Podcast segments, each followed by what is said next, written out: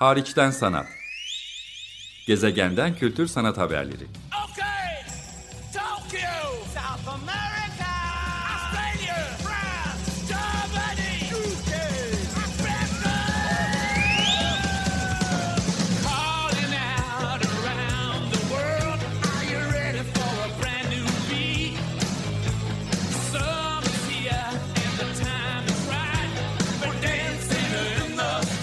Hazırlayan ve sunan Çelenk Bafra.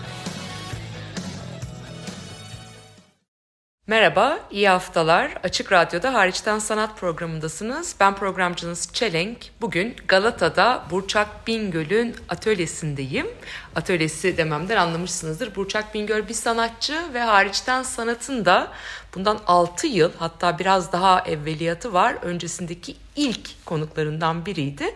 O dönemde e, Paris'te bir misafirlik programındayken telefon bağlantısıyla programa katılmıştı ve sitede deneyimi hatta işte Paris'ten geçtiği e, Belçika ile ilgili de deneyimlerini bize aktarmıştı. Enteresan bir şekilde 6 yıl geçmiş Burçak'ın onca yurt dışı başka projelerine rağmen hiç bir araya tekrar radyoda gelmemişiz.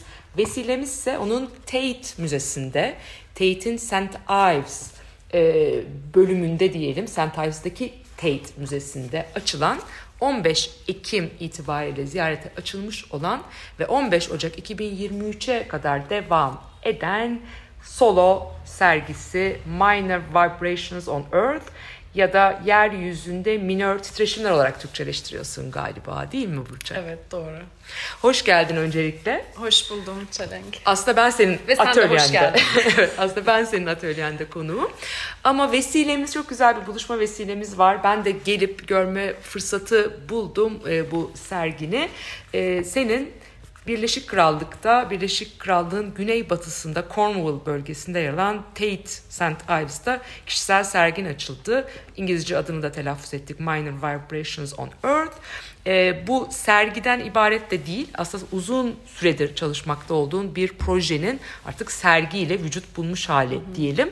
Çünkü birkaç yıldır senin kafanda dönmekte olan, üzerine çalıştığın bir projeydi. Pandemi nedeniyle ertelendi. Ama sen Birleşik Krallığa birkaç kere gittin. Üstelik sadece Tate'in de dahil olmadığı e, başka kurumlarla da işbirliği yaptığın bir proje söz konusu. Oradan başlayayım. Yani Cornwall'a, Tate'e, St. Ives'a gittin. Orada bir misafir sanatçı programına da katıldın. İlk o deneyim ne zamana dayanıyor? Nasıl başladı? E, nasıl hissettin oraya gittiğin dönemde? İstersen evveliyatıyla başlayalım. Ee, Valla zaten proje aslında bu projenin olacağı şey 2020 tam işte pandeminin bu kadar e, acayip bir deneyime dönüşeceğinden hiçbirimizin haberi yokken bu proje gelişmişti ve hani hızlıca geçer ve işlerimize devam ederiz dediğimiz zamandı. Fakat sonra öyle olmadı. Dolayısıyla 2020'den beri bu proje gündemde ve biz de işte bu süreçte tabii şey İngiltere'nin o seyahat kısıtlamaları Türkiye kırmızı listede olduğu için bir kere hem projeyi bir davet aldım. Üzerine böyle kısaca e, konuşmalarımız oldu. Hani nasıl bir şey olur. Bu tabii ki şey bir kere misafir sanatçı programıyla e, hani e, eş bir şey sergi programı. Dolayısıyla hani öncelikle benim oraya e, gidip bir kenti o küçük kasabayı ziyaret etmem. Ardından e, bir ön araştırma gibi. Ardından bir ay boyunca orada yaşamam, orayı deneyim etmem. Onun ardından da gelecek Tate'deki sergiydi. Ve bu Residency Portmore e, sanatçı stüdyoları orada çok eski bir aslında kurum. E, ve ilk şeyi de işlevi de balıkçı şeyi ne denir? Balıkçı yapısı. Barınağı Balıkçıların- gibi, Aynen evet. gibi balıkçıların kullandığı bir yapı.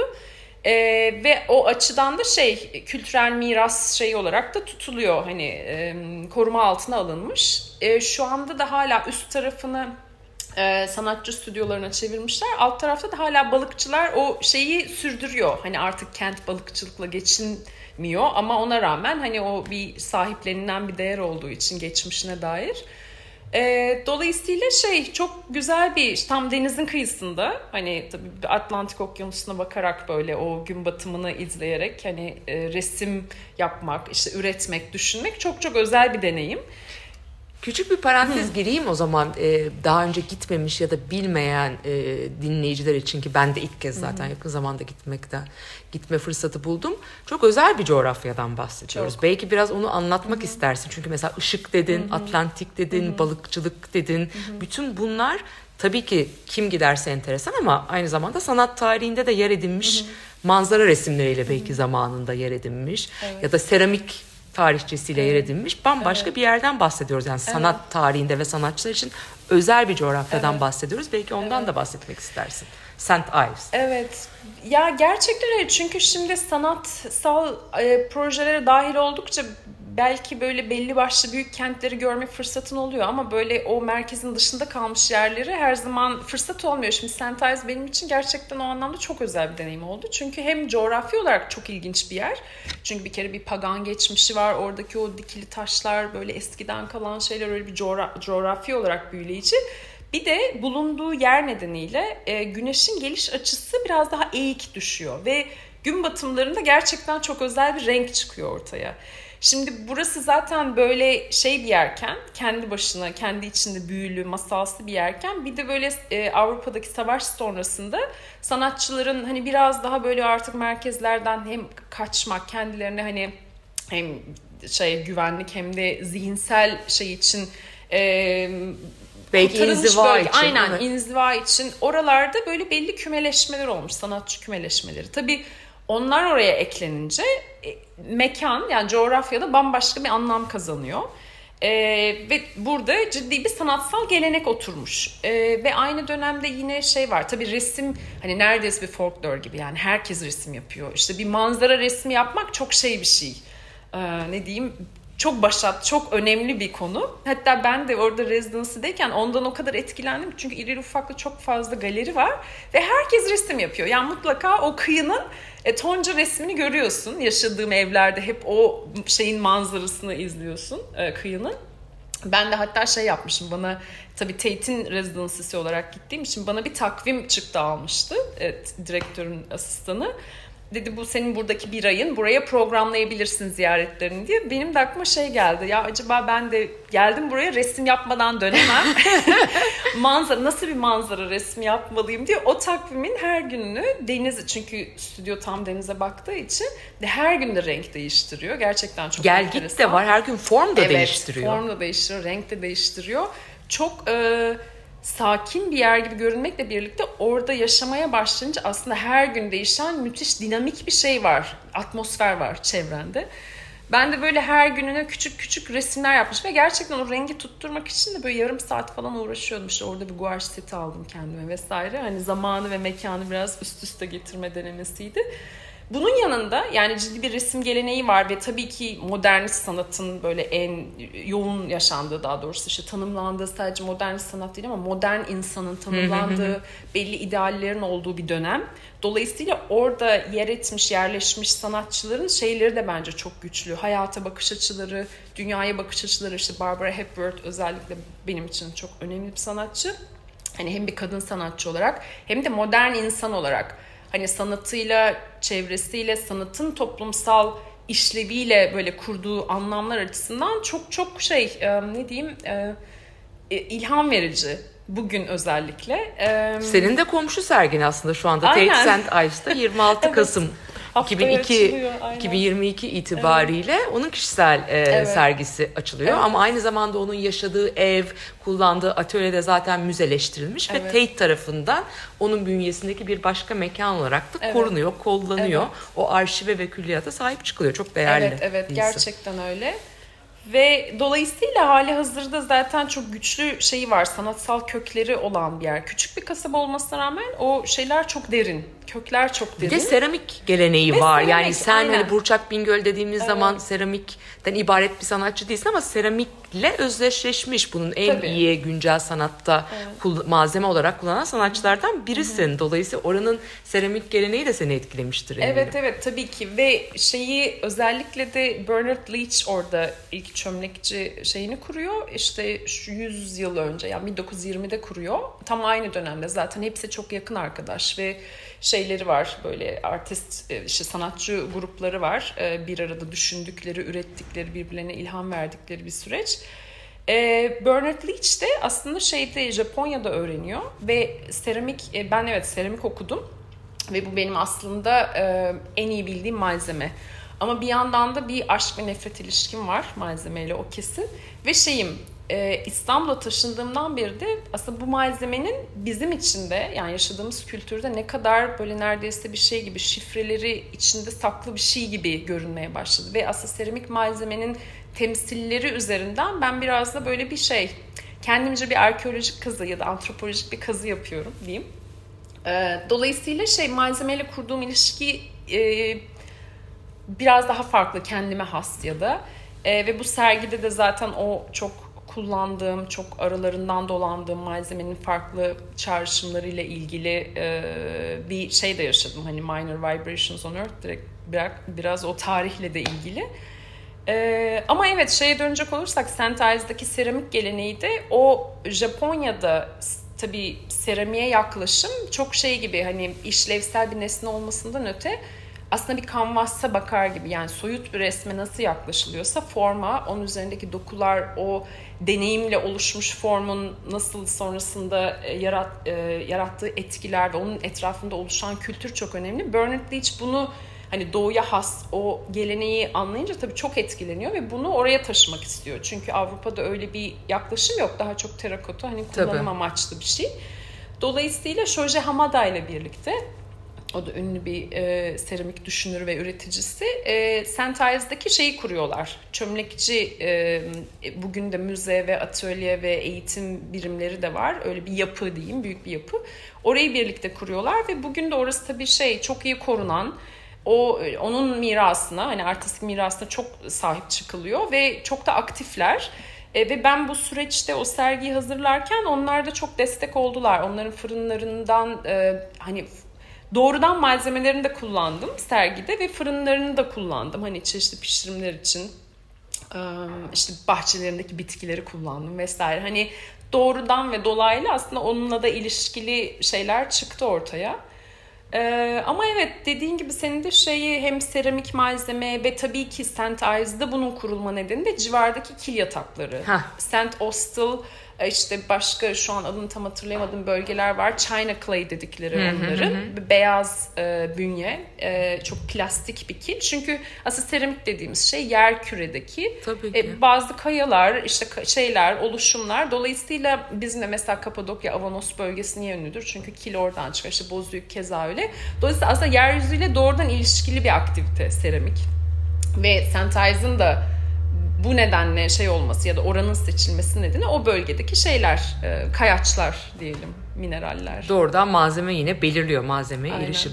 Peki yeryüzünden çıkan bu malzemelerle yeryüzünde minör titreşimler Evet. yarattın sen de kişisel serginle. Biraz serginin içeriğine girelim mi? Bütün bu Tabii. bahsettiğin biraz önce konuştuğumuz aslında arka plan senin oraya birkaç kere gitmiş olman ama bir ayda hani aralıksız olarak orada geçirdiğin e, vakit hem manzara atölyen, deniz manzaralı atölyen hem kent yaşamına entegre olmuş olman hem serginin de küratörlüğünü üstlenen Tate St. Iles'ın direktörü Anne Barlow'la e, sohbetlerin, birlikte geçirdiğiniz mesai ve tabii ki Leech Lottery'de e, yaptığın çalışmalar, oradaki gözlemlerin bütün bunlar bu kişisel sergine yansımış durumda ve tabii ki şimdiye kadarki sanat pratiğinde oraya damıtılmış bir şekilde yeni bir projede hayat buluyor. Öncelikle adını sormak istiyorum. Serginin adını nasıl buldunuz? Senin için ne ifade ediyor? Sonra da hakikaten burada seramik ağırlıklı bayağı da seramiğin normalde e, sergilenirken değil de yapılırken görmeye alışkın olduğumuz rafların, strüktürlerin e, orada olduğu bir yapı var. O strüktürün kendisini de belki biraz anlatmak istersin. Zaten başlıkla ilişkili olacak Evet, söyleyecek. evet.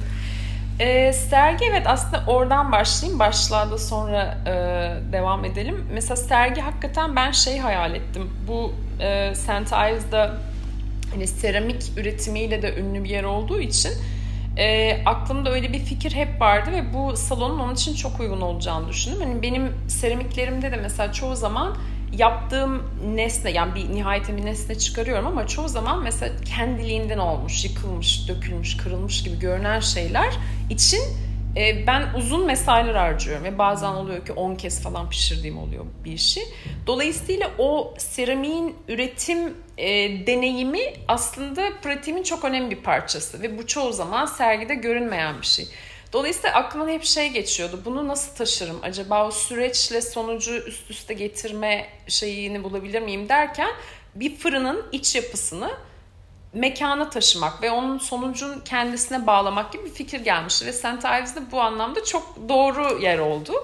Ee, ve evet sergi sanki mekan bir fırının içine giriyormuşuz biz gibi. Ee, ve raf işte yapılanma sistemin tamamen geleneksel işte üç ayak koyup üzerine rafları çıkarak e, tüm fikirleri diyeyim e, biriken tüm o şeyleri e, titreşimleri oraya böyle küçük küçük manzara ya hem mikro manzaralar hem de böyle makro büyük bir manzara gibi böyle farklı manzara ölçeklerinden kurmak istedim. Ee, bunu yapma nedenim aslında biraz da şeydi film ya film diyorum fırın yüklemek deriz biz hani loading a kiln. Hani o yüklülük konusu benim zaten uzun zamandır çalıştığım bir şey üzerine. Çünkü bizim hani kültürel olarak da işte seramik malzemeleri çok yüklü. Yani tarihsel olarak çok fazla bilgi var içinde. Ve benim derdim de bu malzemenin böyle içinden çıkmış birisi olarak bir kere öncelikle malzemeyi iyi tanımak. Yani bunun bir Osmanlı şeyi var, Çiniler var, formlar var. Onun arkasında inanılmaz zengin bir dünya bakışı var ve bugün artık çok anlayamadığımız bir şey. Ben biraz onu böyle anlamaya çalıştığım bir süreçti bu. Yani bu coğrafyada, bu topraklarda yaşanmış farklı dönemdeki artistik, sanatsal e, duyarlılığın şeyini kavramak. Ne diyeyim niteliğini kavramak. Hani böyle daha batı şeyinden çünkü şu anki sanat tarihi biraz batı sanatının üzerine kurulan bir şey. Hani buradaki nasıl bir şey ve ne noktalarda örtüşüyor, ne noktalarda ayrılıyor biraz da aslında iyi tanımaktı. Fakat bunu yaparken enteresan bir şey. O yüzden de İstanbul'a taşındığımdan beri aslında hep malzemenin geleneğine yoğunlaştığım bir şey iç, üretim içine girdim. O yüzden de böyle Çin'den şeyler, alıntılar ya da böyle çok geleneksel tipik formlar, şahvazolar, gözyaşı şişeleri onlar üzerine e, çok yoğunlaşıyor işlerim. Ama bunu yaparken enteresan bir şey oldu. Benim buradaki şeyim tabii o geçmişteki hafızayı şey yapmak, tamamlamak. Ama bir anda bugün yok olmaya başladı ya. ben şimdi Ankara'da büyümüş birisi olarak tabii bir modernist bir şeyin içinden çıktım. Ve İstanbul'a gelip de bu e, gördüğüm farklılıklar ilgimi çektiği için ve kendimde o boşluğu gördüğüm için bu şeye girmiştim. Ama şimdi bu noktada Ankara yok olmaya başladı. Yani Türkiye'nin modern dönemi aslında yavaşça e, eriyor. Ve bu noktada lensi biraz daha öne çekmem yani tarihte biraz daha öne çekme şeyim e, ihtiyacı hissettim ve az önce söz ettiğim St. Ives'da modern sanatla ilgili çok önemli bir nokta. Çünkü dediğim gibi savaştan, o huzursuzluktan giden, kaçan birçok sanatçı oraya yerleşmiş ve o moderniteyle ilgili çok ciddi fikirler gelişmiş orada. Ve şimdi benim hikayem de enteresan oldu. Yani böyle bir geleneksel araştırma içindeyken işte bizim modern Türkiye Cumhuriyeti'ne dair şeylerin böyle birer birer yok olduğu, tüm tanımların yeniden yapıldığı şey bir dönem yaşıyoruz. Hani bir noktada bence sanki bir fırının içinde gibiyiz. Evet. Bir süreç içindeyiz. O fırın yani pişme tamamlanınca ne olacak onu da bilemiyoruz. Böyle bir acayiplik ve şey düşündüm ya bunlar çok yüklü de konular. Ee, ve bunları sanki bir fırına yükleyerek bu farklı e, mevzularımızı diyeyim hani bize ait e, baştaki şeyin buydu. Ve minör işte sergiye adını veren e, o titreşim de aslında bir yıkım anından alıyor ismini ve benim hakikaten işte Ankara'da konservatuarından da mezunum ben yarı zamanlı. E, müzik hep hayatımdaydı İstanbul'a gelene kadar. Ve Ankara'ya gittiğimde bir ziyaretimde o binanın da yerli bir edildiğini görünce hakikaten zaten o anlardır benim için tüm kafamdaki şeyi de değiştiren, üretim aksımı da değiştiren. Ve İnsanı şey kerteriz alabileceği bir nokta bile bırakmadıkları Evet. Yani şimdi bir şeye geldi. Gerçekten öyle. Çünkü hani 500 yıl önceyi hatırlayamamak normal belki ama kendi çocukluğunun şeylerinin artık referans noktaları kaybolduğunda ve kendi hayatını hatırlayamadığında çok çok daha tehlikeli bir durum bence. Biraz da şizofrenik bir yere de varıyor Tabii ki. artık. Hani hakikaten boşlukta uçmak gibi ve şeyi bir şekilde tabii o inşaat alanına bu beş evlerdeki Ankara Konservatuarı, Devlet Konservatuarı'ndan söz ediyorum. E, Girmek de çok zordu ama bir şekilde girmeyi başardım yıkım şeyine ve o yıkan şeyin yere vuruşunu çok net hatırlıyorum ve böyle aldığım görüntü alırken hani o yeryüzünden o gelen tit- titreşim inanılmaz sarstı beni. Yani küçücük bir titreşimdi ama böyle işte bütün gençliğin işte çocukluğun yani onların yok olduğunu görüyorsun. Ya diyorum o kantin binasıydı şuradan çıkardık duvarda şu not vardı falan. Yani e, ve o benimle çok kaldı o an. E, o şey de hani ben bunu sergi başlığı olarak da değil ama hani çıkıp oradan yürürken o minor var. Ya o küçücük titreşimin aslında yüzyıllardır aslında aynı şekilde o yıkma, yeniden yapma ne kadar da böyle insana has bir şey olduğunu da düşüne düşüne ya da ne bileyim bu belki baş etme yöntemi böyle düşünmek bilmiyorum. Ee, sonrasında yani bu bu cümle o zaman geçmişti aklımdan ve çok acaba sergiyle ilgili çalışırken de hani o modern döneme biraz lensi çekmek hani seramiğin moderniteyle ilişkisi e, onunla ilgili düşünürken de bu, bu başlık dedim iyi olabilir. Ya çok uzun sürede düşündüm ama en son buna karar. Başka seçenekler de vardı. Sonrasında serginin başlığı da oldu. Ee, E, peki sergiye dönecek olursak küçük bir araya da gireyim. Burçak Bingöl'le beraberim. Açık Radyo'yu yeni açan dinleyicilerimiz için. Burçak Bingöl bir sanatçı. Onun Birleşik Krallığın güneybatı ucundaki Cornwall bölgesindeki Tate Müzesi'nde yani Tate St. Ives'da Embarlow küratörlüğündeki kişisel sergisinden bahsediyoruz. E, sergi biraz metinsel referanslarından da konuşalım isterim. Çünkü sen aynı zamanda yazıyla da iştigal ediyorsun ve bu sergide de etmiş durumdasın. Ve serginin herhalde en çarpıcı belki de beklenmedik yanlarından biri o metinlerin işleri, işlerin metinleri zenginleştirdiği, derinleştirdiği noktalarda onlar da birbirlerini titretiyorlardı adeta. Titreşimleri birbirlerine yayılıyordu ve buradan burada da esinlendiğim bir çıkış noktan da var. O da Ahmet Hamdi Tanpınar'ın 1946 yapımı olduğunu önümdeki metinden şu anda teyit ediyorum. Beş Şehir. Babamın da en sevdiği kitaplarından biridir. Ben de o yüzden erken yaşta okuma fırsatı bulmuştum. Biraz önce söylediğin Ankara, İstanbul, Cornwall, modernlik bütün bu meselelerde de çok yeri olan bir metinden aynı zamanda bahsediyoruz. Nasıl bir referans noktasıydı senin için ve sergide serginin metinlerle ilişkisini sen nasıl tarif edersin? E, Valla Tanpınar zaten bundan önceki sergim Interrupted Half Day Through Berlin'de olmuştu. E, o mesela doğrudan Tanpınar'ın o kitapta zikrettiği bir cümleden alıntı. Hani Beyoğlu'nu tanımlarken hamlesi yarıda kalmış Paris der. Dolayısıyla aslında Doğu ile Batı arasında kurduğu bir enteresan bir şey vardır orada. E, bir şey tam oluyor ama olamıyor gibi. Şimdi o psikoloji bence kalıcı bir şey. Bize bir şekilde hani işledi bu. Hani bir şey tam oluyor ama olamıyor hemen başka bir yöne gidiyor ve orada başka bir şey olurken yine değişiyor falan.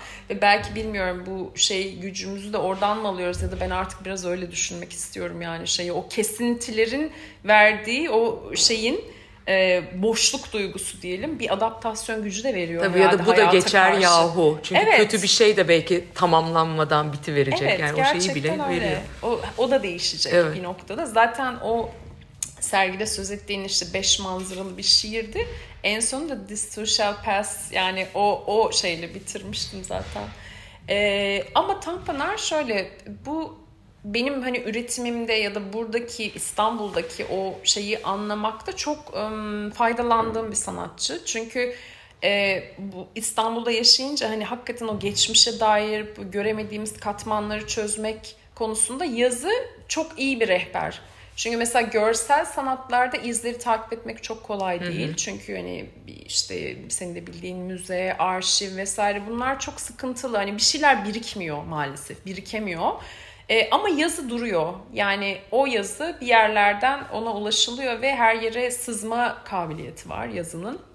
Dolayısıyla benim de biraz böyle edebiyat üzerinden yani burada yaşayan İstanbul'da yaşamış ve üretmiş sanatçılar ne düşündü? Bu kentle nasıl ilişki kurdu? Biraz öyle bir Tanpınar. Yani Tanpınar'ı da tabii şey yapınca iyice beni besler hale geldi. Çünkü onun birçok enkaz hani o geçmiş imparatorluk ve yeni kurulan cumhuriyet arasında kurduğu ilişkiler falan benim de aslında çok ilgimi çeken ve beni de besleyen ve metaforları da hani çok enteresan Tanpınar'ın çünkü aslında maddeyle, materyalle çok canlı ilişkiler kuruyor kelimede.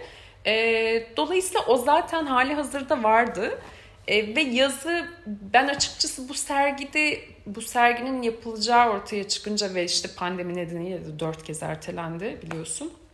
Ee, o süreçte şey o kadar enteresandı ki yani ben tam bizim gerçekliğimiz içinde ya bir dakika kaybolan bir şey var ve benim ona odaklanmam dediğim noktada St. Ives modernizmi hani modernitenin bizim aldığımız modernitenin kaynağının orası olması oradaki seramik e, e, merkezi yani benim malzeme, modernite bu, bunlar böyle o kadar bir araya geldi ki dedim ki bir kendi hikayemi yazmak zorundayım. Ya o doğal bir şeydi ben bunu hani kullanırım Tabii, tabii, tabii ki. kullanmam ve bir mikro tarih yazısına başladım ve ben pandemide de çok vaktimiz vardı biliyorsun.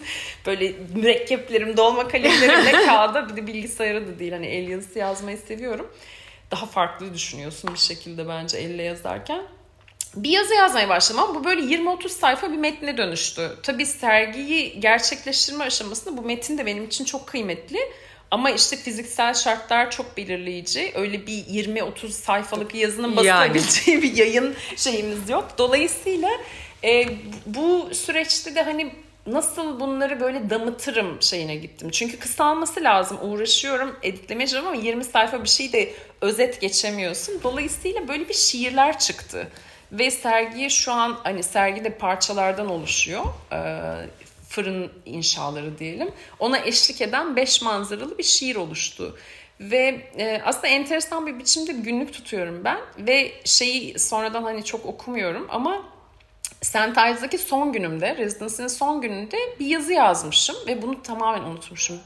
Sonrasında bu yazıyı okuduğumda ya dedim aslında böyle 30 sayfa bir yazı değil de e, belki böyle çok sade bir şey yazmak lazım. Yani çok kendiliğinden, çok bana ait. Çünkü hani günlüğü böyle bir şey için yazmıyorsun ya, Tabii. kendin için yazıyorsun.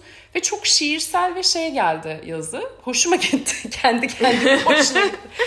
Ve sonrasında şiir formu da aslında böyle oluştu ve e, işte beş manzaralı dedim ya mesela Ankara ile başlıyor. Sonra malzeme, seramik, bahçeler. E, çünkü o e, işte özellikle Barbara Hepworth'un bahçeleri e, ay konuyu da çok mu dağıtıyorum bilmiyorum Yo, ama ama süremizin biraz- sonuna geldik Evet maalesef. evet toparlayayım şeyi hani o yıkıcılık ve yok olmak var ya hani onu St. Ives'e biraz da hani bir sanatçı olarak bu yıkıcılığı nasıl yapıcı, nasıl kurucu bir bahçeye çeviririm. Aslında hep bir inşa, yani bir yıkımın içinden bir şey inşa etme duygusuyla da böyle her şey birbirine örüldü gibi oldu. Hem metin, hem malzeme, hem mekan, hem zaman. Böyle Harika. tamamlayalım. Çok, Çok teşekkür ederim. Gerçekten süremizin sonuna geldik. ben çok teşekkür ederim. Ama çok teşekkür ol. ederim. Burçak Bingöl'le bugün e, birlikteydim. Minor Vibrations on Earth 15 Ocak 2023'e kadar Tate. Ives'da devam ediyor. Hoşçakalın.